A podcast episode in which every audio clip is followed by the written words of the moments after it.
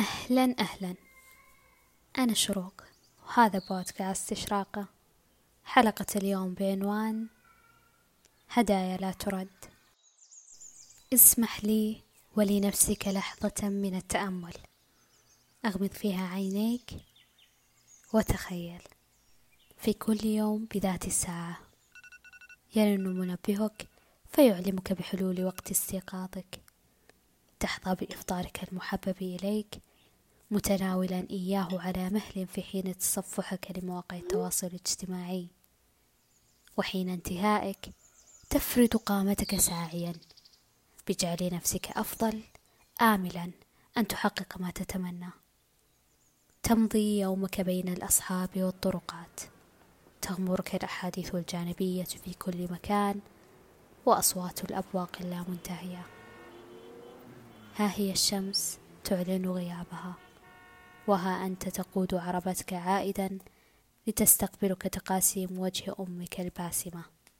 والشيب الذي قد كسى ملامح أبيك فزاده وقارا.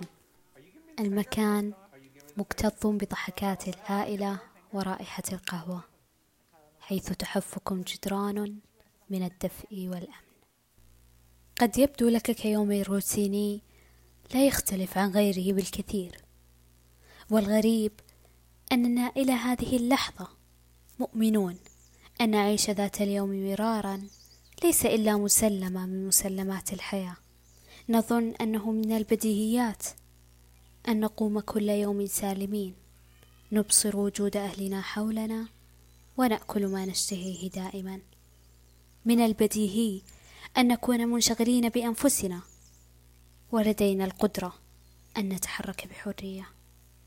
ولكن الواقع مختلف مختلف تماما. فليس من البديهي على الإطلاق.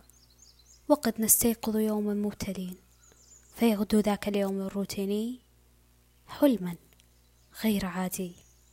نتمنى تكراره. فمن أبسط سبل العيش وأساسياته وبديهياته أن نكون أحرارا فلا قيد يمنعنا. حتى قلبت الموازين.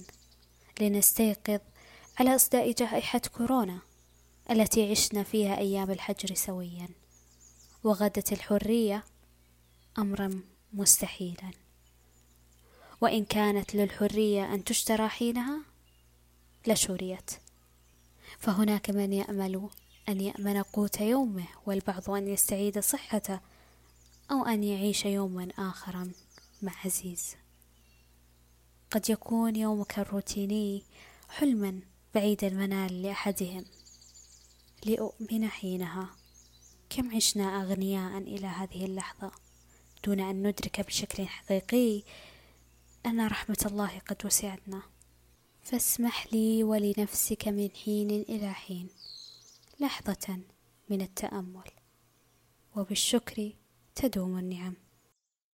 كونوا دائما مشرقين. يومكم سعيد.